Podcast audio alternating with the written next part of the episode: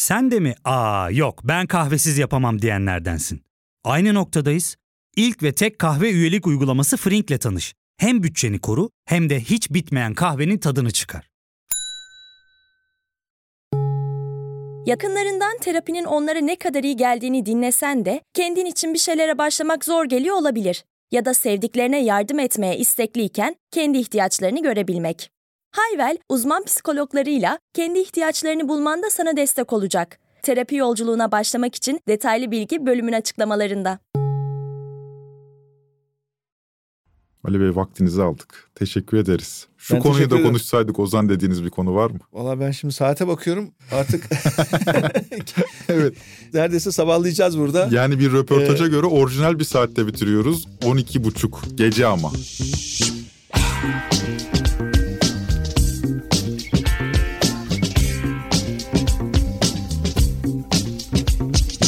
Herkese merhaba. Geçen günlerde duyusunu yapmıştık ve o gün geldi çattı. Bugün Trend Topik'te konumuz Deva Partisi Genel Başkanı Ali Babacan. Bu vesileyle Trend Topik'te ilk defa altılı masadan bir siyasi partinin genel başkanını konuk alıyoruz. Hatta şöyle bir ek yapayım. Bu altılı masada bulunan bir siyasi partinin genel başkanının katıldığı ilk podcast yayını. Bu açıdan da ne yalan söyleyeyim gururluyuz. Bizim Ali Bey'e yönelttiğimiz sorularda yaklaşımımız şöyle oldu. Ki hali hazırda siz bir trend topik dinleyicisiyseniz konuları farklı perspektiflerden yaklaşarak ele almayı sevdiğimizi biliyorsunuzdur. Birkaç istisna dışında Ali Bey'in defalarca cevapladığı bazı sorular var. Bu soruları söyleşi boyunca Ali Bey'e yöneltmemeye çalıştık. Yani Ali Bey'i ilk defa ya da yeni yeni dinliyorsanız o zaman bunu nasıl sormazsın demek yerine katıldığı diğer söyleşilere de bir bakmanızı öneririm. Bir de Ali Babacan'ın siyasi geçmişiyle hesaplaşmaya kalkışmadık. Yani ona kalkışmaya çalışsak zaten iş çığırından çıkabilir. Yani hesap soran bir üslubu benimsemedik. Bunun yerine devanın siyasi yelpazedeki konumlanışını ve geleceği konuşmayı tercih ettik. Ali Bey'le yapacağımız söyleşiyi iki bölüm şeklinde tasarladık. İlk bölümde devanın siyasi yelpazede kendini nasıl konumlandırdığı sorularımızın ana ekseni oldu. Ali Bey'e sorularımızı bu bağlam üzerinden yöneltecek ve Türkiye'deki toplumsal meselelere devanın perspektifinden nasıl yaklaştığını konuşacağız. İkinci bölüm ise evlere şenlik. Malum gerek Podbi Medya ekibi gerekse ben sosyal medya hesaplarımızdan Ali Bey'e sessiz soru sorabileceğinizi duyurmuştuk. İkinci bölümde hem bu sorulardan birkaçına yer vereceğiz hem de bizim aklımızda da hızlı hızlı soracağımız bazı sorular var bunları yönelteceğiz. Tabii bu sizin dinlediğiniz ilk trend topik bölümü ise soru sorma imkanından yararlanamamış olmanız olası. Dert etmeyin. Altılı Masa, Cumhur İttifakı ve diğer partilere kapımız açık. Herhangi bir partiyi temsilen bir konumuz olduğunda mutlaka duyuruyu yapacağız. Takipte kalın o yüzden. Belki onlara soru iletebilirsiniz yani. Hazır gelmişken Trend Topik'in önceki bölümlerine de göz atabilirsiniz. Girişi yeterince uzattık. Ben Ozan Gündoğdu. Hazırsanız başlayalım. Ali Bey merhaba. Çok teşekkürler. Sanırım ilk defa bir podcast mecrasında bir genel başkanı ağırlıyoruz. Öncelikle bu nedenle heyecanlıyız. Siz de podcast mecrasına verdiğiniz bu destek nedeniyle de teşekkür edelim.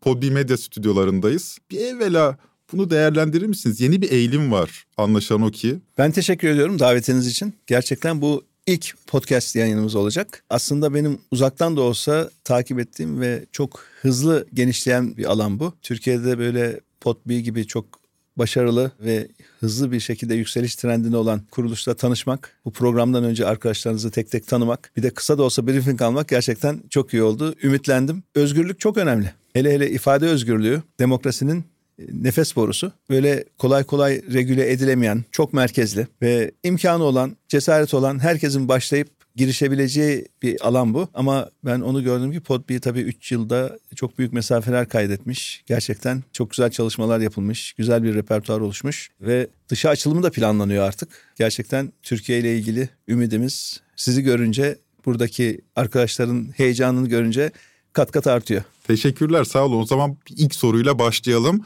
Mümkün olduğunca ben aktüel gündemi de değen sorular hazırladım. Fakat trend topik dinleyicileri mümkün olduğunca derinlikli, düşünmeye davet eden bir seri hazırlıyoruz bu seride.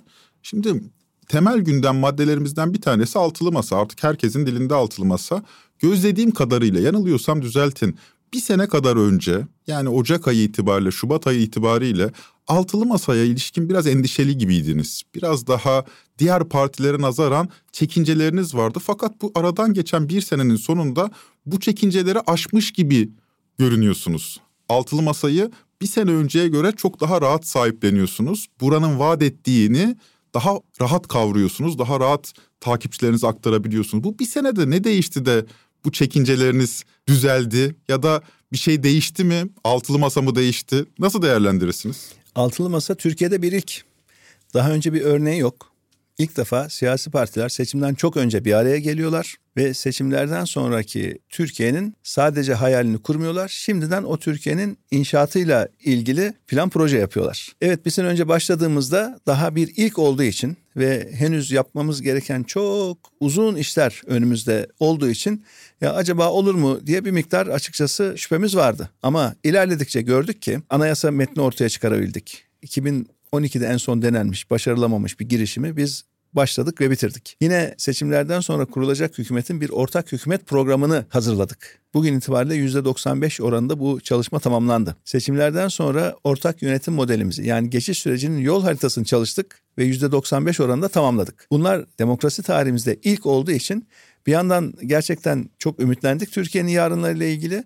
Ama bir yandan da ilerledikçe sorumluluğumuzun ne kadar büyük olduğunun çok daha bilincine vardık. Başlangıçtaki o tereddüt dediğim gibi ilk olduğu içindi. Ve siyasi partiler geçmişlerini tartışmaya başladıklarında kolay kolay anlaşamıyorlar. Herkesin farklı iddiaları olmuş, herkes farklı şeyler denemiş. E farklı kimlikler, farklı ideolojiler söz konusu olmuş. Ama Türkiye'nin yarınlarını konuşmaya başladığımız anda bakıyoruz ki kolay anlaşıyoruz. Yani geçmişte bütün acı, tatlı, iyi, kötü bütün tecrübelerden istifade ediyoruz. Ama nasıl bir Türkiye'de yaşamak istiyoruz diye oturup konuştuğumuzda herkes aynı Türkiye'yi tarif ediyor. Ve bu bizi çok umutlandırdı. Yani birbirinden bu kadar farklı siyasi partilerin Türkiye'nin yarınlarında buluşması. Nasıl bir Türkiye'de yaşamak istiyorsunuz sorusunun cevabına aynı cevabı veriyor olmamız gerçekten çok çok kıymetli Türkiye için. Şimdi altılı masayla başladık. Son toplantıyla devam edelim. Son toplantı 5 Ocak'ta yapıldı. Bayağı da uzun süren bir toplantıydı. Yaklaşık 9 saat. 9 saat değil mi? Şimdi herkesin merak ettiği bir şey var tabii. Geniş hmm. kesimler Cumhurbaşkanı adayını merak ediyorlar. Bunu soracak değilim ama 9 saatin ne konuşulduğunu ilişkin bir tabii merak söz konusu. Aynı gün siz toplantıdayken HDP'nin hazine yardımının kesildiğini öğrendik. Bir beklenti de oluştu anladığım kadarıyla demokrat kamuoyunda. Yani acaba altılı masadan çıkan bildiride HDP'nin hazine yardımının kesilmesine ilişkin ne denecek acaba diye bir merak oluştu. Fakat bu merakın sahipleri hayal kırıklığına uğradılar. 9 saat boyunca bu konu hiç mi konuşulmadı ya da size birife edilmediniz mi yani? Böyle bir haber vardı da bizim haberimiz yoktu biz çıkınca öğrendik mi diyorsunuz. Bunu nasıl değerlendirirsiniz? Hiç konuşulmadı mı? O gün için bizim oldukça ağır bir gündemimiz vardı. Ortak politikalar metnini 185 sayfalık bir metnin önemli konularını görüşmemiz gerekiyordu. Bir, ikincisi geçiş sürecinin yol haritası gibi bugüne kadar hiç yapılmamış bir çalışmanın kritik konularını konuşmamız gerekiyordu. Üçüncüsü ara ara böyle altılı masadaki partiler arasında ufak tefek böyle pürüzler olabiliyor. Özellikle aday kim olsun kim olmasın üzerinden tartışmalar çıkabiliyor. E o konuların şöyle bir muhasebesini yapmamız gerekiyordu. Dolayısıyla çok çok yoğun bir gündemimiz vardı. O toplantı sırasında sanırım bir haber geldi ama çok böyle odaklanıp üzerinde değerlendirme yapabileceğimiz bir konu olmadı. Yani epey bir kendi altılı masa gündemimizle çok meşguldük o gün. Bir de biliyorsunuz iktidarın şu anda bir anayasa teklifi var. Bu başörtüsü meselesi üzerinden yeniden toplumu bir kutuplaştırma, senden misin, benden misin, evet mi, hayır mı gibi bir kutuplaştırma çabası var. O konuda bayağı bir gündemimizdeydi. Derken açıklamamızı yaptık. Açıklamamız oldukça bir uzun açıklamaydı. Ama sonradan toplantı bittikten sonra tabii konuya daha detaylı vakıf olduk. Baktık ki Anayasa Mahkemesi bile yani böyle neredeyse başa baş bir karar vermiş. Hatta Anayasa Mahkemesi Başkanı da bu yardımın kesilmesine karşı oy kullanmış. Demek ki mesele hukuka uygunluk açısından pek de iyi bir durumda değil. Muhtemelen hukuka pek de uygun olmayan ama Anayasa Mahkemesi'ne yapılan telkin ya da baskılar sonucunda alınmış bir karar olduğunu daha sonra anladık.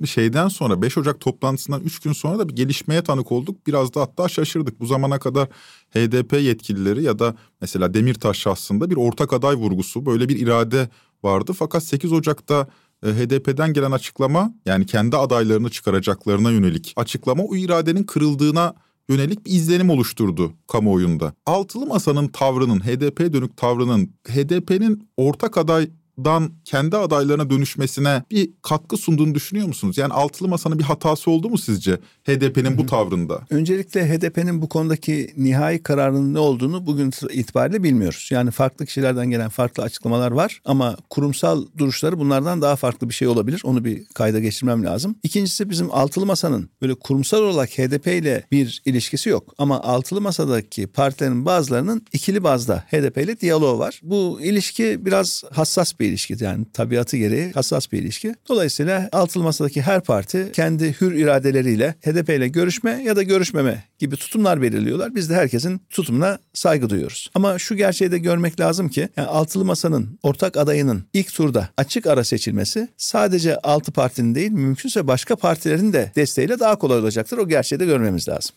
Ama mesela önceki gün bir televizyon yayınına katılan HDP sözcüsü Saruhan Oruç çok güzel bir benzetme yaptı. Bana kalırsa çok güzel bir benzetme yaptı. Ya bizi düğüne çağırmıyorlar. Davetiye de yollamıyorlar. İstiyorlar ki altını gönderelim. Fakat o altının da üzerine ismimizi yazmamızı bile istemiyorlar. E, dolayısıyla biz bu düğüne bu şekilde riayet etmeyiz dedi. Bu yoruma katılır mısınız? Çünkü gerçekten altılı masada biz HDP'li değiliz, yan yana değiliz. Bizim bambaşka bir açık bakış açımız var gibi bir konsept var. Bu HDP'nin ortak adaydan vazgeçen tavrını böyle etrafa sorup soruşturduğum zaman genelde duyduğum cevap da ya akla insanlar. Yani bu kadar dışlanırlarsa onlar da kendi adaylarını çıkartırlar şeklinde oluyor. Yani şunu tabii unutmayalım HDP kendi ittifakını kurdu. Hı hı. Yani yedi parti bir araya geldi ve orada ayrı bir ittifak söz konusu. Dolayısıyla hani düğüne çağrılıp çağrılıp orada da ayrı bir düğün var yani öyle görmek lazım. Ama dediğim gibi bizim en azından Deva Partisi olarak görüşümüz Altılı Masa'nın ortak adayının çok geniş kesimler tarafından desteklenmesi seçimin açık ara kazanılmasını kolaylaştıracaktır. Dolayısıyla sadece altı partinin değil mümkün olunca çok sayıda partinin Türkiye'de bizim ortak adayımızı desteklemesini biz çok arzu ederiz. Peki tamam. Şimdi başka bir konuya geçelim. Geçen sene bu zamanlar, yok bu zamanlar değil, Nisan ayı gibi Ali Bey. Yeni seçim yasası tartışılıyor. O zamanlar hatırladığım kadarıyla seçim barajı da düşürülecek ama 3'e mi düşürülecek, 5'e mi düşürülecek, 7'ye mi düşürülecek öyle bir belirsizlik var. Bu ortamda bir dedikodu çıktı. Bu dedikodu şu, bunu zaten daha sonra cevapladınız. Altılı masa içerisinde Millet İttifakı dışında yeni bir ittifak. Muhafazakar ittifak diye de isimlendiren gazeteciler oldu. Saadet Partisi, Gelecek Partisi ve Dava Partisi'nin barajın düşürülmesi halinde üçlü şekilde bir seçim ittifakı olarak seçime gideceği konuşuldu. Buna ilişkin size de sorular yönlendirildi. O sonra o tartışma sonra geride kaldı. Fakat soracağım soru şu.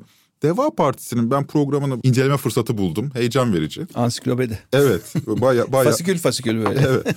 Bir muhafazakar parti olarak anılmak sizi rahatsız ediyor mu? Çünkü gözlediğim kadarıyla biraz daha liberal demokrat bir çizginiz var. Kurucularınız arasında da bunu hep söylüyorsunuz. Her siyasi partiden insan olduğunu söylüyorsunuz. Fakat bir biçimiyle muhalif kamuoyu özellikle haklı nedenleri de olur. Yani bunu şey demiyorum, muhalif kamuoyunun bir hatasıdır demiyorum ama sizi bir muhafazakar parti olarak da kodluyorlar. Biz muhafazakar mısınız? Partiler kendi kimliklerini muhafazakar olarak tanımlayabilirler. Bu kendi özgür irade alanlarıdır. Ama biz muhafazakarlığı daha çok şahıs bazında kullanılması gereken bir kavram olarak düşünüyoruz. Bizim partimizin çatısı altında evet kendilerini muhafazakar diye tanımlayan arkadaşlarımız da var.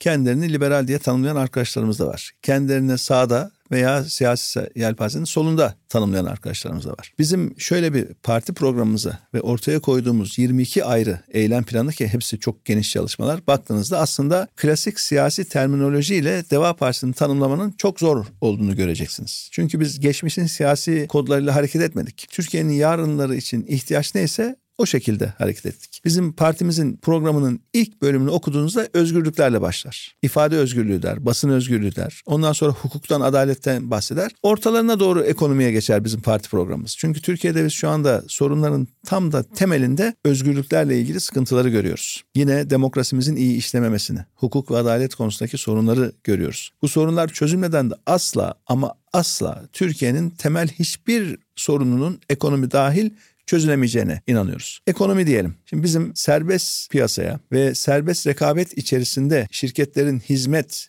ve ürün üreterek olmasına önem veren bir bakış açımız var. Yani şunu düşünüyoruz. Vatandaşlarımız için farklı farklı şirketler, farklı farklı girişimler hizmeti ve ürünü daha iyiye, daha ucuza üretmenin yarışında bulunsunlar. O yarış sonucunda tüm toplum bundan istifade edecektir diyoruz. Ama öte yandan da bütün bu yarışta şu ya da bu sebeple geri kalan, maddi imkanlar açısından toplumun oldukça gerisinde kalan kesimlere de devletin mutlaka sosyal devletin gereği olarak yardımcı olması, yanında olması da bir başka önemli konu. Diyelim ki sağlık değil mi? Sağlık çok temel bir insan hakkı. Dolayısıyla parası olan çok iyi hizmet alır, parası olmayan kusura bakmayın dışarıda kalır gibi bir yaklaşımımız asla yok. Ki bunu yapan ülkeler var. Yani sağlık sigortanız yoksa gerçekten hastane kapısında kalıyorsunuz. Bakmıyorlar size yani ölüyorsunuz. Öyle ülkeler var. Dolayısıyla bizim programımızda bir yandan bu serbest piyasa ekonomisinin o yarışmanın verimliliği ve nihayetinde vatandaş için ürettiği faydayı da düşünüyoruz. Ama öte yandan da önce insan diyerek sosyal devletin gerekliliklerinde mutlaka yerine getirilmesi gerektiğini de söylüyoruz.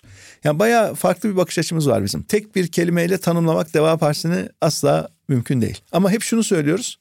Ne kadar deva o kadar demokrasi diyoruz. Ne kadar deva o kadar ekonomi diyoruz. Bunu söylüyoruz. Yani mümkün olduğunca demokrasiye vurgu var. Doğrudan muhafazakar bir parti izlemiyorsunuz. Muhafazakar değiliz de demiyorsunuz. Bunlar insanların sıfatlarıdır. Biz parti evet. olarak muhafazakarız veya değiliz. Biz parti olarak Böyle önce insan diyoruz. Önce insan diyoruz. Önce insan diyoruz. Evet. Yani şu da var. Bu klasik terminolojinin aslında anlamına girip baktığınızda, konuştuğunuzda bunların çok geride kaldığını, insanları bu terminolojiyle tanımlamanın da çok çok zor olduğunu da görüyoruz. İnsanlar için bile çok zor olduğunu görüyoruz. Yani muhafazakar tanımını bir insan içinde hangi anlamda nasıl kullanacaksınız? Yani dolayısıyla yepyeni bir nesil var, yepyeni bir Türkiye var, yeni bir dünya var. Yani özellikle bu internet ve akıllı cihazların yaygınlaşmasıyla beraber aslında bambaşka bir çağ başladı. İçinde belki hep beraber olduğumuz için bu büyük değişimi de içinde yaşadığımız için farkında değiliz ama yani tarihçiler geriye dönüp de bu yılları yazdığı zaman aslında dünyanın ne kadar büyük bir dönüşümde olduğunu ve gerçekten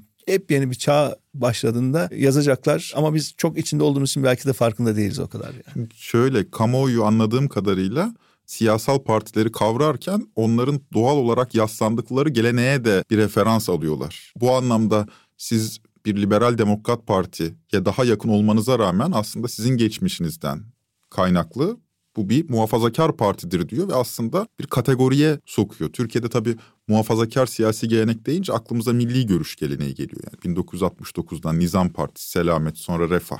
Daha sonra o gelenekten kopan AK Parti geleneği var. Siz de o partide siyaset yaptınız. Hatta bildiğim kadarıyla aileniz de bu siyasi geleneğin içinde aktif siyaset yapmadı ama hani bu siyasi geleneğin hani sempatizanı anladığım kadarıyla. Dolayısıyla insanlar da bu çerçeveden değerlendiriyorlar sizi. Bu çerçevede bir eleştiriniz var mı Türkiye'nin bu muhafazakar siyasal geleneği? Çünkü bir yandan da bu gelenekten koptuğunuzu da anlıyorum ben sizin çalışmalarınızı veya değerlendirmenizi okuyunca. Bu kopuşun sebebi ne? Şimdi ben 2001'e kadar yani AK Parti'nin kurulduğu güne kadar siyasetle hiç uğraşmamış bir insanım. Bizim ailemizde de siyaset hiç yok. Hala yok. Yani benden heveslenip benden sonra ben de siyasetçi olayım diyen kimse de yok şey yani. Yok. Ya, yanlış anlamayın. Doğrudan Hı. siyasetçi yok ama evet. hani bildiğimiz okuduğumuz kadarıyla muhafazakar bir aile diye dedim. Hatta hani yanılıyorsam düzeltin. Halanız yanılmıyorsam değil mi? İlk başörtüsü mağdurlarından bir tanesi Türkiye'deki. Doğru. Yani muhafazakar bir ailenin ve dolayısıyla... Ama siyasi tanımda değil. Yani ha, anladım. Ben, evet yani belki bizim ailemizde dindar insanların sayısı daha fazla. Ama bu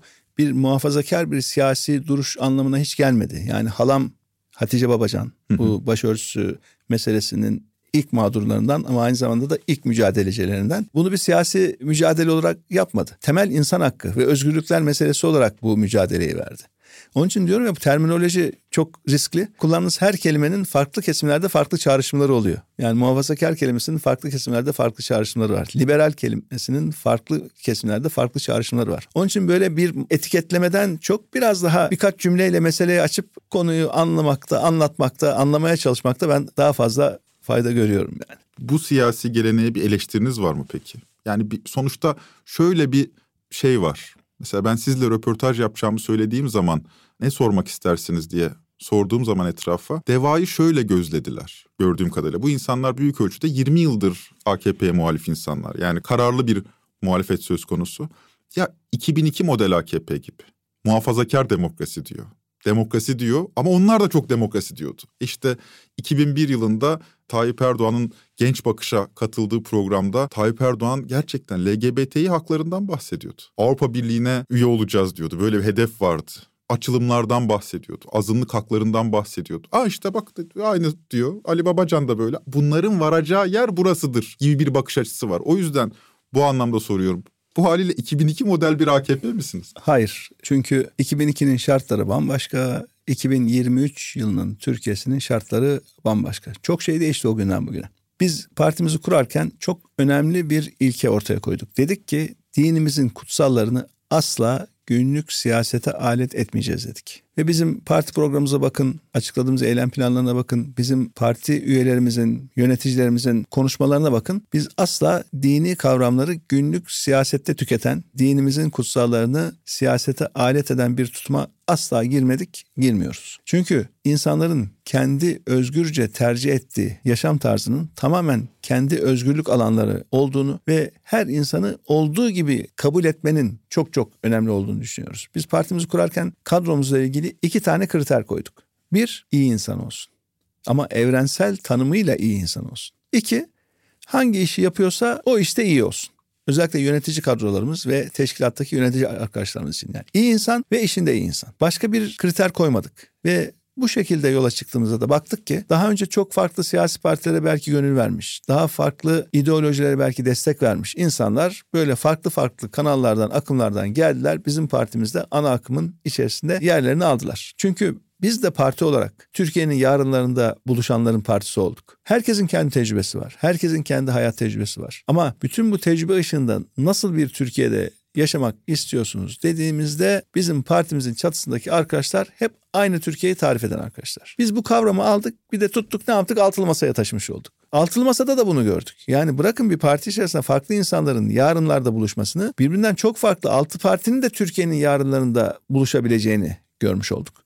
Biz herkesin kendisine olduğu gibi saygılıyız. Devletin veya siyasetin hiç kimseyi dönüştürme gibi bir çabasının olmaması gerektiğini düşünüyoruz. Ve önemli olan devletin her insanın tercihini, yaşam tarzını olduğu gibi kabul etmek ve korumak. Başkalarının müdahalesine de engel olmak. Çünkü özgürlükler, temel haklar aynı zamanda devlet tarafından korunması gereken kavramlardır devlet o koruma görevini yapmadığı zaman o zaman eline gücü geçiren bir başkasının özgürlük alanını kısıtlayabilir. Bir başkasının hukukuna girebilir. Dolayısıyla devletin aynı zamanda böyle bir görevi var. İşte biz de bu amaçla yola çıktık. Bizim kendisini muhafazakar diye tanımlayan vatandaşlarımıza, partili arkadaşlarımıza sonsuz saygımız var. Kendisini liberal diye tanımlayan vatandaşlarımıza, partili arkadaşlarımıza sonsuz saygımız var. Ama şunu unutmayalım ki artık Türkiye Cumhuriyeti yeni bir yüzyıla giriyor ve bu yeni yüzyılda bambaşka bir dünya var karşımızda ve siyasetin de rolünün, fonksiyonunun bambaşka olması gerektiğini biz düşünüyoruz. Onun için yeni bir parti kurduk. Yani Türkiye'nin sorunlarının mevcut herhangi bir siyasi partiyle çözülebileceğine inansaydık zahmet edip de bu koskoca siyasi partiyi kurmazdık. Yani 81 ilde 742 ilçede teşkilatlanmış durumdayız şu anda. Yani Türkiye'nin en yaygın örgüt ağına sahip olan siyasi partilerden birisiyiz. Kimlik siyaseti yapan partiler ne yapıyorlar? Belli bölgelerde yoğunlaşıyorlar, belli bölgelerde zayıflıyorlar. Ya da dar ideoloji siyaseti yapan partiler ne yapıyorlar? Yine belli coğrafyalarda, belli şehirlerde kuvvetliyorlar, belli coğrafyalara giremiyorlar bile. Halbuki bizim Trabzon teşkilatımız ne kadar güçlüyse İzmir teşkilatımız da o kadar güçlü. Edirne teşkilatımız ne kadar güçlüyse Hakkari teşkilatımız da o kadar güçlü. Ve bugün Türkiye'de 41 ilde teşkilatı kuran siyasi partiler seçime girebiliyor. Bunu başarabilen şu anda 26 tane siyasi parti var o kadar. 100 küsür partiden sadece 26'sı 41 ilin üzerinde teşkilatlanabilmiş durumda. Biz 81 ilin tamamında varız. Örneğin bizim Eskişehir il başkanımız daha önce Demokrat Sol Parti'den Odunpazarı Belediye Başkanıydı. Hemen yakındaki şehre gidelim Sakarya'ya. Sakarya İl Başkanımız da Milliyetçi Hareket Partisi'nden il başkanıydı. Yani böyle çok farklı siyasi partilerde siyaset yapmış arkadaşlarımız var ama teşkilatlarımızın %85'i ilk defa siyasete Deva Partisi çatısı altında başlamış arkadaşlardan oluşuyor. Gerçekten sıfırdan bir başlangıç yaptık.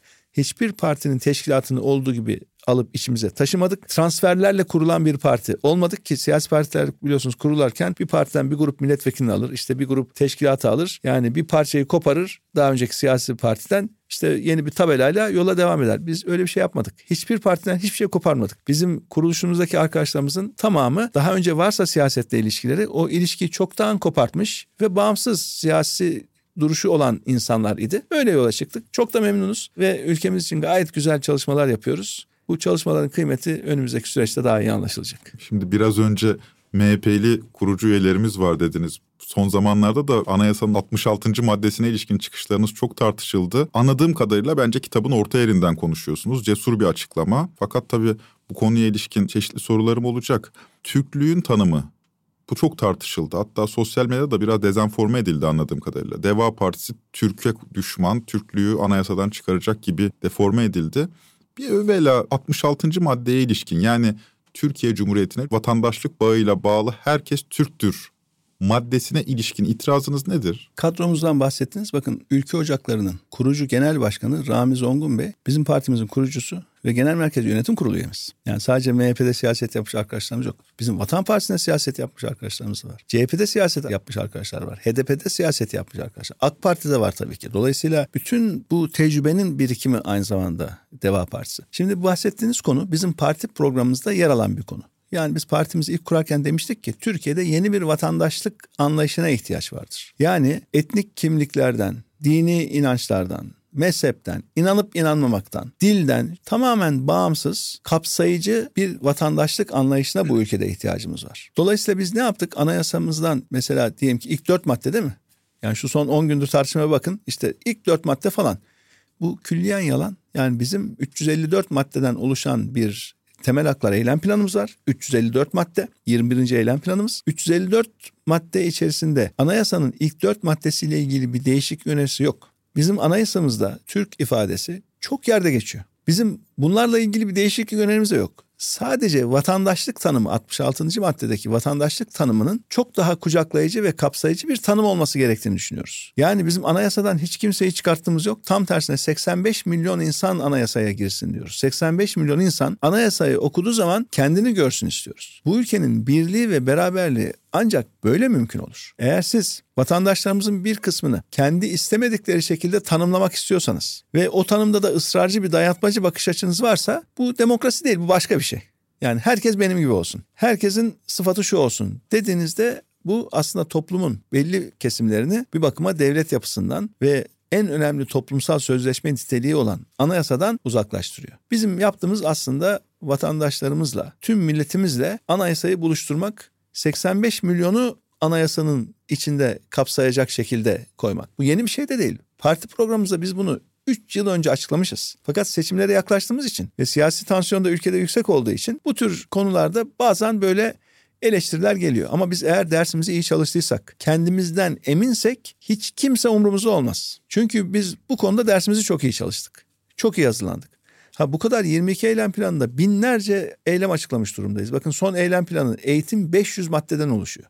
Ya bunların içerisinde tabii ki hata olabilir. Tabii ki eksik olabilir. Hatalar varsa düzeltiriz. Eksikler varsa tamamlarız. Ama bu vatandaşlık anlayışı bizim dersimizi çok iyi çalıştığımız bir alan.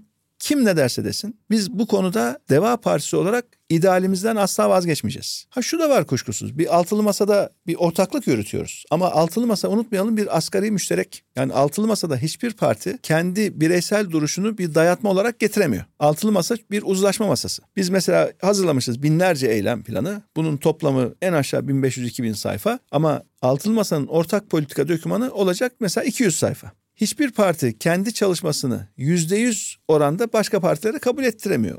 Ama mutabık kaldığımız asgari müşterek bile Türkiye'nin hemen ayağa kalkması, kanatlanıp uçması için yeterli miktarda. Deva Partisi olarak biz bu ideallerimizi bir ideal hedef olarak ortada tutacağız bu ideal hedeflerimizden altılı masada mutabık kaldıklarımızın uygulamasını hemen seçimden sonra başlatacağız. Altılı masada mutabık kalınmayan hususlardaki ideallerimiz de orada sapasağlam duracak. Bugün olmaz yarın. Yarın olmaz öbür gün. Öbür gün olmaz daha sonra bunları hayata geçirmenin de ısrarcı takipçisi olacağız. Şimdi burada söyleşiye kısa bir ara vermek lazım. Hem siz dinlenin hem biz. Aranın ardından tam kaldığımız yerden anayasanın 66. maddesi ve Türklük tartışmasından devam edeceğiz.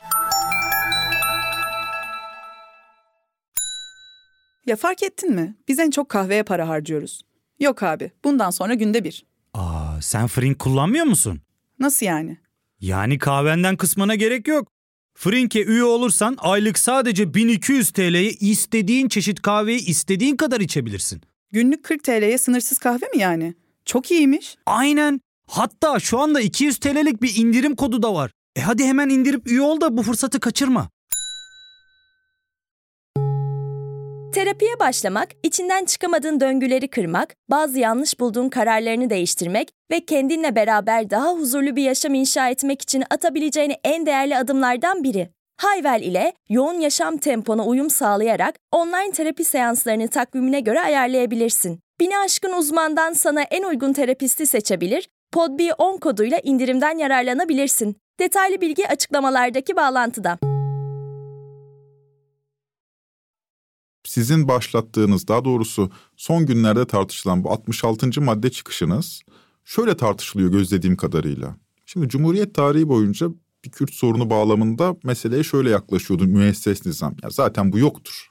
Kürt diye bir şey yoktur. Hatta 12 Eylül dokümanlarında kart kurt sesleri yüzünden daha Türklerine Kürt denilmiştir vesaire gibi böyle bir inkarcı politika vardı. Fakat 90'lı yıllardan itibaren biz bir Kürt halkı vardır dedik yani vardır. Ama onlar da kendilerine Türk versinler. Türk dediğiniz şey zaten bir üst kimliktir. Zaten Atatürk milliyetçiliği de etnik değildir. Atatürk milliyetçiliği de ne mutlu Türk'üm diyene demektedir. Ne mahsuru var Kürtlerin kendisine ben Kürt kökenli bir Türk'üm demesinde diye söylüyorlar. Ne mahsuru var? Şöyle devletin tanımlayan, dayatan bir tutumunu biz asla desteklemiyoruz. Yani devlet baştan da söylediğim gibi vatandaşını olduğu gibi kabul eden, vatandaşının tercihlerine saygı duyan bir tutum almak zorundadır. Gerçek birlik, beraberlik de bu ülkede ancak böyle sağlanır. Beka beka meselesi diyenler var ya, işte bu ülkeyi kutuplaştırarak, sen şöylesin böylesin diyerek, üstten tepeden inme dayatmacılıkla bu ülkeyi yönetmeye kalktıklarında ülkenin en önemli beka sorununun tam da kendisini oluşturuyorlar. Dolayısıyla eğer birlikten beraberlikten bahsediyorsak Türkiye olarak topyekün 85 milyonun özgürlüğünden, huzurundan, refahından bahsediyorsak aynı zamanda bu ülkenin ulusal güvenliğinden bahsediyorsak, sınır güvenliğinden bahsediyorsak, toprak bütünlüğünden bahsediyorsak, siyasi birliğinden bahsediyorsak bizim bakış açımız bu işin asıl beka garantisini oluşturacak bir bakış açısı. Onun haricindeki her şey bu ülkede ayrımcılığı tetikler. Onun dışındaki her şey bu ülkedeki gerçek bölücülüktür. Bu ülkenin vatandaşlarına kimlik dayatmak en büyük bölücülüktür. Halbuki herkesin kendi kimliğini siz olduğu gibi kabul ederseniz ancak o zaman bu ülkenin devlete olan bağlılığı artar. Bu ülke vatandaşlarının aidiyet hissi artar.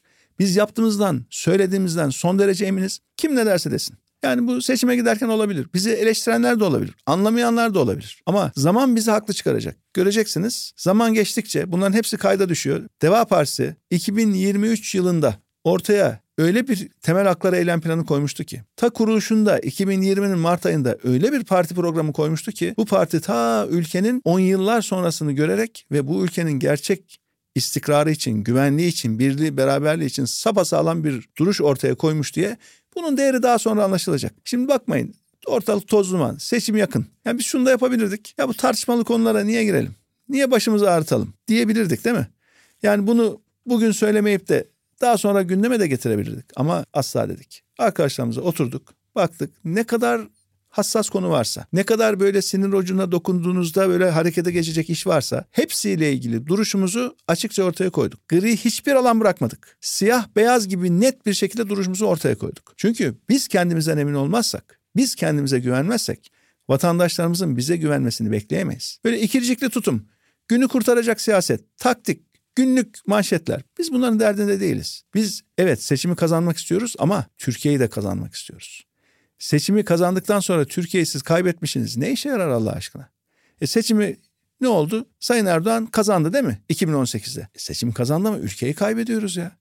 Bu ülkede yaşayanların önemli bölümü bu ülkeye olan aidiyetini kaybediyor. Gençlerimiz gidip başka ülkelerde yaşamak istiyor. Sen seçimi kazansan ne kazanmasan ne? Bu ülkenin gençlerini kaybediyorsun. Bu ülkenin yarınlarını kaybediyorsun. Yani orada külliyede oturup da tek başına imzayla aklına gelen her şeyi yapmak bu ülke için faydalı bir şey mi? Zararlı bir şey mi? Sonuçlarını hep beraber görüyoruz. Tahmin ediyorum ki yani bu tahmin katılırsınız katılmazsınız bilmiyorum ama bu tartışmayla ön plana çıkmak hele ki seçime beş ay varken bir de milliyetçi bir dalga da yükseliyorken Türkiye'de bu tartışmayla ön plana çıkmak bir siyasi partinin iletişimi açısından zorlu. Yani riskli demeyelim ama en azından zorlu. Bu tartışmayı ilerletmeyi düşünüyor musunuz? Biz zaten duruşumuzu ortaya koyduk. Dedik ki kim ne derse desin duruşumuzu değiştirmeyeceğiz dedik. Çünkü tarih bizi haklı çıkaracak. Zaman bizi haklı çıkaracak dedik. Ve bu idealimizin peşinde de hep devam edeceğiz dedik. Dolayısıyla burada geri adım olmaz asla. Hiç kimse bu konularda Deva Partisi'ne geri adım attıramaz. Çünkü yaptığımızdan eminiz. Çok geniş istişarelerle biz bu işi yaptık. Biliyorum ki çıkıp bu konuda eleştirel konuşanların çoğu kendi iç dünyasında yaptıklarının doğru bir iş olmadığını biliyor. Ama günlük siyasi rüzgar ya da taraf tutmaya zorlandıkları için belki bu noktada bize eleştirel bakıyor olabilirler. Önemi yok. Biz bu duruşumuzu değiştirmeyeceğiz. Yani tartışmayı ilerletmek ister misiniz diye sorduğum sormamın sebebi şu. Örneğin Biz, bizim duruşumuz ortada.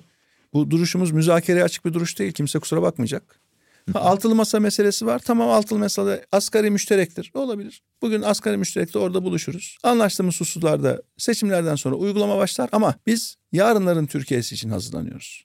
Ve bu tezlerimizi anlatacağız. Daha makul siyasi ortamlarda anlatmaya devam edeceğiz. Şu anda seçime bu kadar yaklaştığımız dönemde makul bir tartışma ortamı bazen mümkün olmuyor. evet Pozisyon alanlar var, taraf tutanlar var, taraf tutma konusunda kendilerini mecbur hissedenler var. Bakın 2012 yılına bakın bir anayasa değişikliği ile ilgili bir uzlaşma komisyonu kurulmuştu mecliste. Her partiden eşit sayıda milletvekilliğiyle temsil edilen bir komisyon. Yani partilerin meclisteki milletvekili sayısından bağımsız olarak bu komisyonda her parti eşit milletvekiliyle temsil edilmişti. 2012'de bugünkü iktidar partisinin AK Parti'nin o komisyona getirdiği anayasa değişiklikleri içerisinde 66. maddede vardı. AK Parti de bu 66. maddenin değişmesi gerektiğini söyleyen bir teklif getirdi komisyona. Çünkü o dönemde de bu sıkıntıydı. 10 sene önce de 20 sene önce de sıkıntıydı. Ama yıl 2012 bakın. 2012 hangi yıl? Ülkenin artık kişi başına düşen milli geliri 12 bin dolara ulaşmış. 2011 seçimlerini geçmişiz. Yani seçimden sonra daha rahat bir dönem var. Türkiye'nin özgüveni yerinde. Refah hızlı bir şekilde artıyor. Avrupa Birliği süreci var. Dolayısıyla özgüvenin yüksek olduğu bir noktada ülke bunları daha rahat tartışabiliyor demek ki.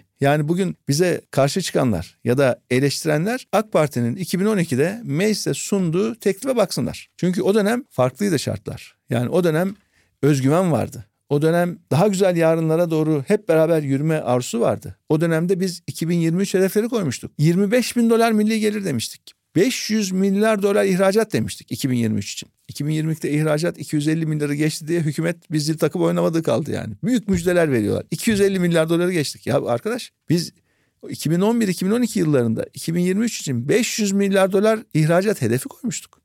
Üstelik sadece hükümet olarak değil, ihracatçılarla da beraber koymuştuk bu hedefi. Özel sektörümüz de inanıyordu buna. Üreticilerimiz de inanıyordu. E, 3500 dolardan milli gelir alıp 12500 dolara çıkaran bir Türkiye 2002-2013 arası rahatlıkla 2023'te 25 bin doları ikiye katlamayı yani milli gelir becerir diyorduk ama Bunların hiçbirisi olmadı. Çünkü hukukta gereken yapılmadı, eğitimde gereken yapılmadı. Kimlik siyaseti başladı, dar bakış başladı. O eski ideolojik dürtüler devlet yönetimine hakim olmaya başladı. Ondan sonra geldiğimiz noktayı hep beraber görüyoruz.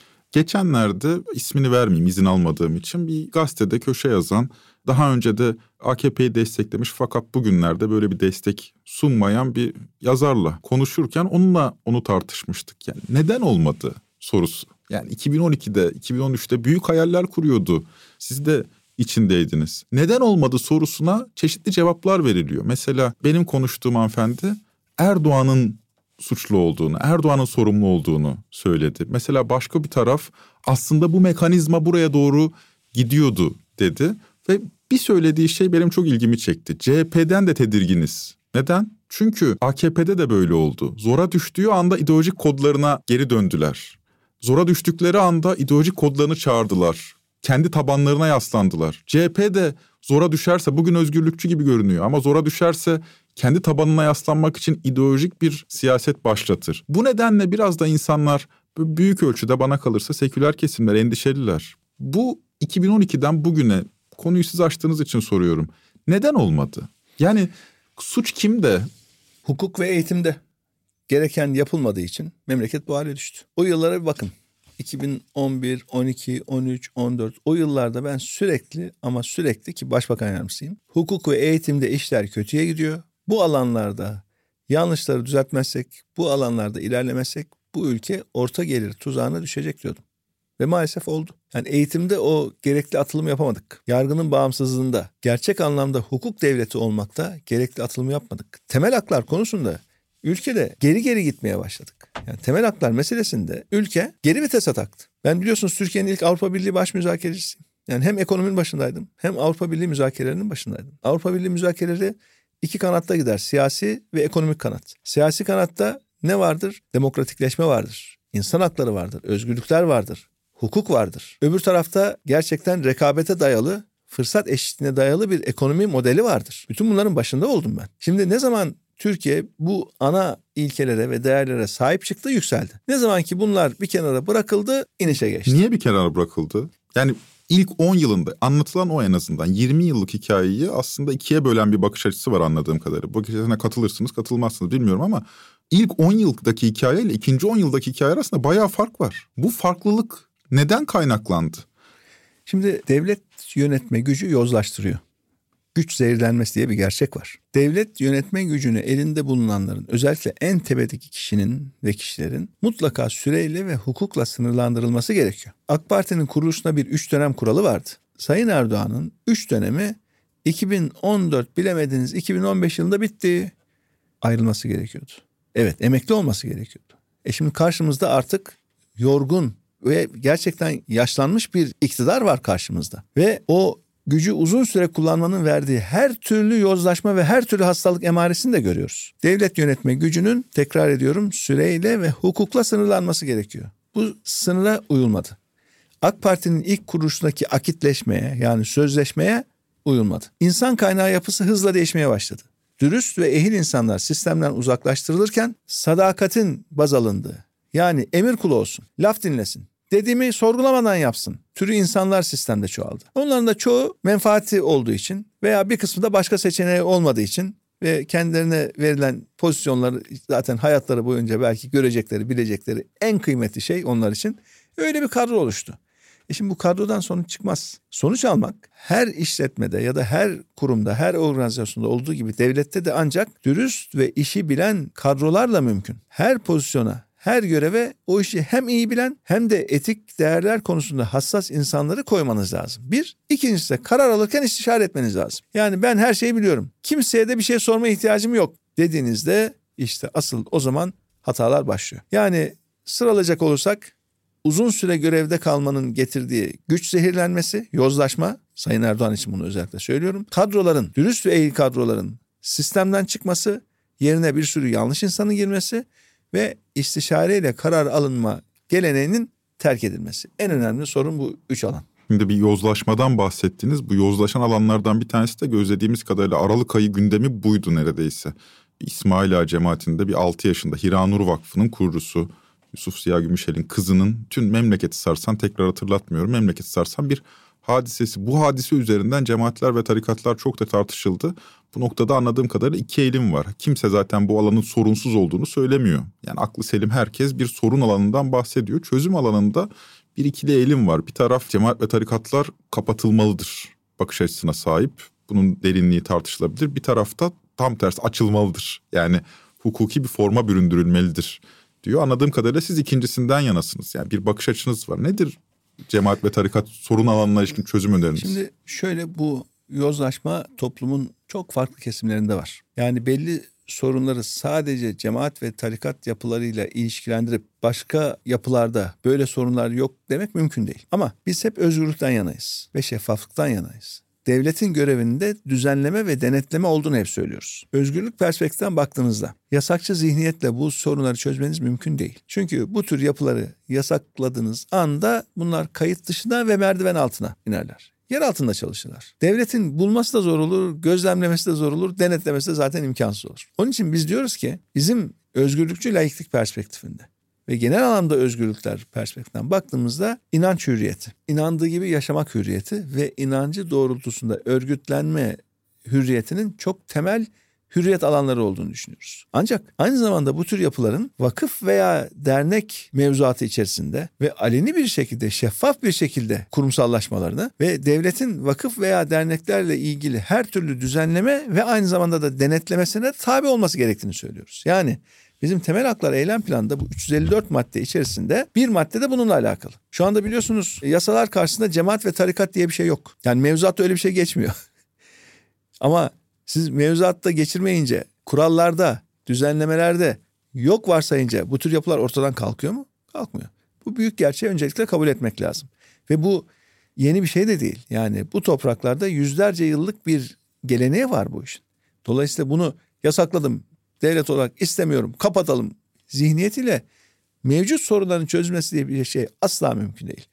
Dolayısıyla biz hem bu özgürlüğün önemli bir alan olduğunu düşünüyoruz. Mutlaka kayıt içi ve resmi kurumsal yapılanmalarla dernek ya da vakıf olarak yapılanmalarla ve adını koyarak biz evet vakıfız ve dini inancımız doğrultusunda örgütlenmiş bir yapıyız diye adını da koyarak örgütlenmeleri ve böylece bu konuda devletin kanunları düzenlemelerine tabi olmaları aynı zamanda devletin de o kanunlardan kaynaklanan denetleme hakkını ve görevini bu kurumlar üzerinde uygulamaz. Ve doğru hesaptan kaçmaz. Yani doğru bir şey yapıyorsanız şeffaflıktan niye kaçasınız ki? Şeffaf olmaktan niye korkasınız ki? Önemli olan devletin bu yapıları tanıyor olması ve kuralını koyması. Yanlışları da önlemek için adım atması. Bu noktada şu tartışılıyor yani inanç özgürlüğü bağlamında değerlendirildiği zaman bu insanlar kendi inançlarını yaşamaya çalışan bir grup din mazlumu gibi kavranıyor. Fakat örneğin işte Aralık ayında tartışılan İsmaila cemaati efsanevi liderlerinden Mahmut Usta Osmanoğlu kız çocuklarını okula göndermeyin diyor. Ve gerçekten de müritler kız çocuklarını okula göndermiyorlar. Bu vaka böyle ortaya çıkıyor. İşte son Aralık ayında tartıştığımız hadisede 6 yaşında kız çocuğu okula gönderilseydi o öğretmen belki vaziyeti farkına varacaktı. Burada özgürlükle güvenlik arasında bir tahterevalli oluşmaya başlıyor. Şimdi bir yandan bakıyorsunuz müritlerini okula göndermeyen bir yapı ve çok keskin bir hiyerarşi var. Bunu nasıl buluyorsunuz? Yani bu da mı özgürlüktür? Tamam kardeşim bunlar da çocuklarını okula göndermemeyi istiyorlar. Şimdi bu tabii devletin eğitimle ilgili bir düzenleme alanı. Devletin eğitimle ilgili düzenlemesinde ne var? Bir zorunlu eğitim diye bir şey var değil mi? Yani bir anne baba ben çocuğumu okula göndermiyorum. Okumasın, cahil kalsın. İşte orada da yine devletin kurallarının devreye girmesi gerekiyor. Çünkü iyi bir eğitim almak o çocuğun temel hakkı. Yani anne babanın o çocuğun iyi bir eğitim almasını, okula gitmesini engelleme gibi bir hakkı da olamaz. Yani bu temel haklar, özgürlükler mutlaka beraberce değerlendirilmesi gerekiyor. Yani o çocuğun bir hakkı iyi bir eğitim almak. Onu o hakkı da nasıl devlet sağlıyor? Zorunlu eğitim diye tanımladığı o ana sınıftan başlayan ve belli yaşa kadar gelen eğitimle tanımlıyor. Dolayısıyla devlet eğer devletliğini yapsa, denetimini yapsa, kardeşim siz böyle bir şey nasıl yaparsınız? Nasıl çocuklar okula göndermesiniz diyebilir. Ha şu olur. Ya, okulların yapılandırılmasında, müfredatında burada biz mesela esneklikten yanayız. Yani böyle Nasıl esneklik derken? esneklik derken özellikle müfredat konusunda seçmeli derslerin daha çok olduğu, zorunlu derslerin daha az olduğu bir eğitim sisteminden biz yanayız. Dolayısıyla özgürlük alanını nasıl oluşturacaksınız? Evet okul olacak ama okuldaki o temel konularla ilgili tamam zorunlu dersler ama onun yanında seçmeli derslerin daha çok olduğu bir eğitim sistemini de biz Türkiye açısından son derece önemli görüyoruz. Bir yandan da tabii şu var. Şunu diyor insanlar. Mesela işte bu cemaat özelinde söylüyorum. Benim dinime uygun değil kız çocuğunu okula göndermek. Ne diyeceksiniz burada? Dini inancı. Ya da şöyle derse, kardeşim bu okullar laik seküler bir eğitim sistemini benim çocuğuma dayatıyor. Ben böyle bir eğitimden geçmesini istemiyorum. Bu benim çocuğum değil mi ya? Dedikleri zaman o noktada sınırı nasıl çizeceğiz? İşte tam da o noktada okul sistemi ve müfredatla ilgili seçeneklerin çok olduğu bir yapıdan bahsetmek gerekiyor burada. Yani yine devletin tanımladığı, düzenlemesini koyduğu ama mecburi derslerin yanında farklı derslerde eğer gösterilmek istiyorsa o, o okullarda ona da zemini hazırlayan, o seçenekleri de açan bir yaklaşımın bu sorunu da çok rahatlıkla çözebileceğine inanıyoruz. Orada şöyle şeyler de tartışılıyor. Tabii bu noktada devlet içinde de bir örgütlü yapı var.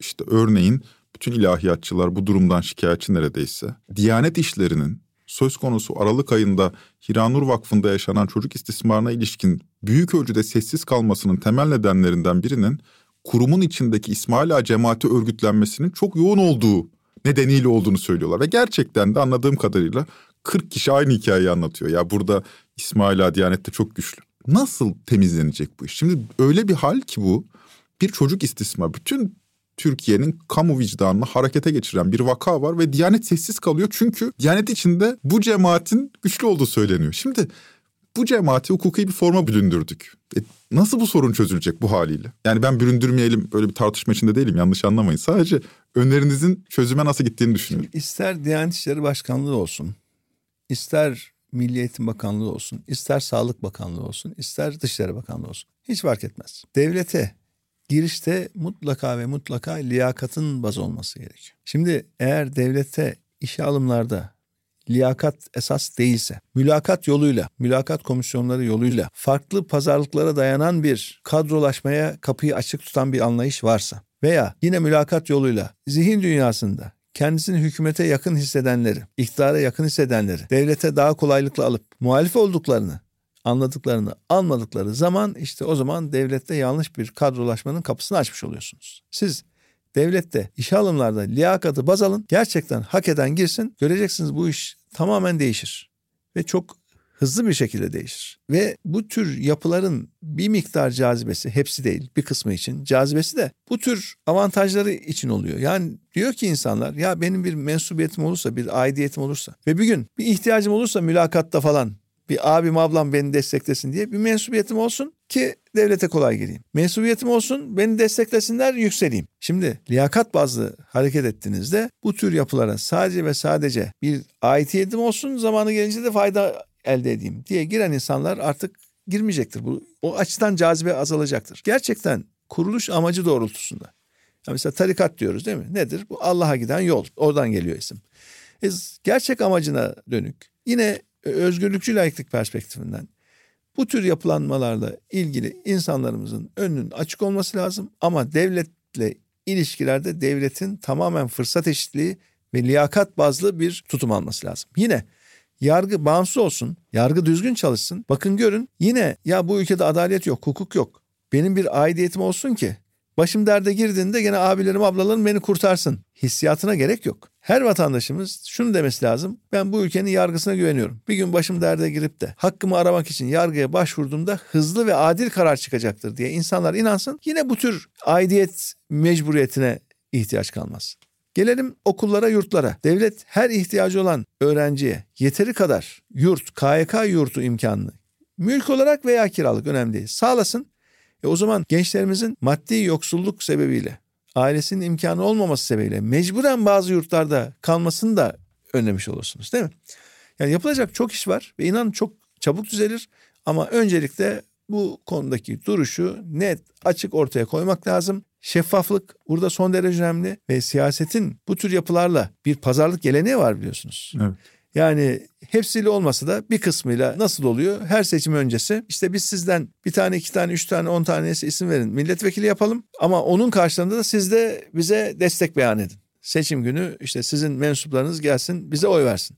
Şimdi bu da çok çok çok yanlış bir pazarlık şekli. Temiz, gerçek, inancı doğrultusunda örgütlenmeye evet ama bu tür yapıların siyaset ve ticaretle böyle iç içe olmasına hayır. Anladım.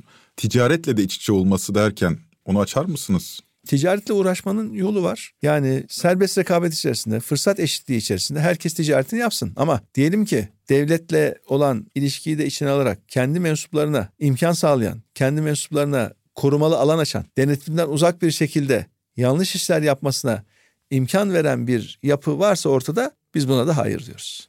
Yani ticaretin yeri ayrıdır, siyasetin yeri ayrıdır. İnançlar doğrultusunda örgütlenmenin yeri ayrıdır. Bunlar birbirine karıştığı zaman ortada büyük bir istismar ortaya çıkar. Şu yüzden sordum. Ticaret konusu son zamanlarında gündemi oldu. İşte bir zincir market BİM MHP ile ciddi bir çatışmaya, tartışmaya girdi. İşte BİM'in de Erenköy cemaatine ait olduğu biliniyor. İşte Topbaş ailesi tarafından sahipleniliyor. Ne olacak? E işte tamam herkesin bildiği bir şey yani öyle tuhaf bir durum ki Nakşibendi geleneğinden gelen bir biraz da okumuş etmiş insanlara, kentli insanlara hitap eden paralı pullu bir cemaatle karşı karşıyayız ve elinde Türkiye'nin en büyük zincir marketi ve Türkiye'nin en büyük katılım bankası var. Ve bu bir güç. Bunu geriye mi döndüreceğiz yoksa ne diyeceğiz bu insanlara? Şimdi bütün bu yapılanmaları böyle yüzeysel olarak ele alıp yüzeysel olarak değerlendirmekte de ben sakınca görüyorum. Yani her birisini ayrı ayrı ayrı ayrı özellikleri var. Ayrı ayrı durumları var. Ve bunları herkes biliyor. Burada önemli olan devletin gerçekten başta da söylediğim gibi rekabeti esas alan, fırsat eşitliğini esas alan şekilde ticari hayatı düzenlemesi, özgürlükçü laiklik perspektifinden bakıp dini hayatla ilgili, dini örgütlenme ile ilgili alanı kendi içerisinde düzenlemesi, denetlemesi, e, siyasetinde kendi işini yapması. Bunları siz böyle ayrı ayrı düzenleyip devlet olmanın gereğinde ayrı ayrı yaparsanız hiçbir sorun çıkmaz. Yoksa burada yani şirketlerle ilgili, belli cemaatlerle ya da tarikatlarla ilgili böyle nokta atış bir şeyler ifade etmemiz çok doğru olmaz. Çünkü her birinin ayrı ayrı farklı özellikleri var. Her biri ayrı incelenmesi lazım. Yani onu böyle tabii ki yanlışları eleştirmek, yanlışları dile getirmek önemlidir. Basının da çok önemli bir görevidir. Yani vatandaş adına eleştirel bir gözle meselelere bakmak çok çok önemlidir. Ama nihayetinde bu tür kuruluşlarla ilgili ticari tarafında olsun başka tarafta olsun nihai hükmün mutlaka bağımsız yargı tarafından, devletin denetleme kuruluşları tarafından, meclis denetimi tarafından nihai hükümle ifade edilmesi daha doğru. Yoksa burada bu yayında böyle hani çok sayıda kuruluşu onu bununla itham edelim buna böyle şey, şey yani onu, onu ben çok doğru bulmuyorum. Evet. Ali Bey'le yaptığımız söyleşinin ilk bölümünün sonuna geldik. Laf lafı açtı, muhabbet uzadı ama biz aklımızdaki soruların tümünü sorduk. Aldığımız cevapların değerlendirmesini şimdilik size bırakıyoruz. Söyleşinin değerlendirmesini bu bölümde yapma niyetimiz yok. Zaten muhabbet de burada bitmiyor. Girişte paylaştık. Gece 12.30'a kadar konuştuk Ali Bey'le malum. İkinci bölümde sizden gelen soruların bir kısmına bir de bizim hızlı birkaç sorumuza yer vereceğiz. Hatta Ali Bey'e de söyledim bir üçüncü bölüm yapacağız bunun dışında ve bu üçüncü bölümde sizin arkanızdan konuşacağız dedim. Orada gülüştük. Bu yüzden takipte kalın. Kısa süre içinde iki bölümü daha sizlerle buluşturacağız. İlk bölüme de burada bir nokta koyalım. Tren Topi'yi Podbi ile beraber hazırlıyoruz. Bir sonraki bölüme kadar her derdinize deva bulduğunuz günler dilerim. Hoşçakalın.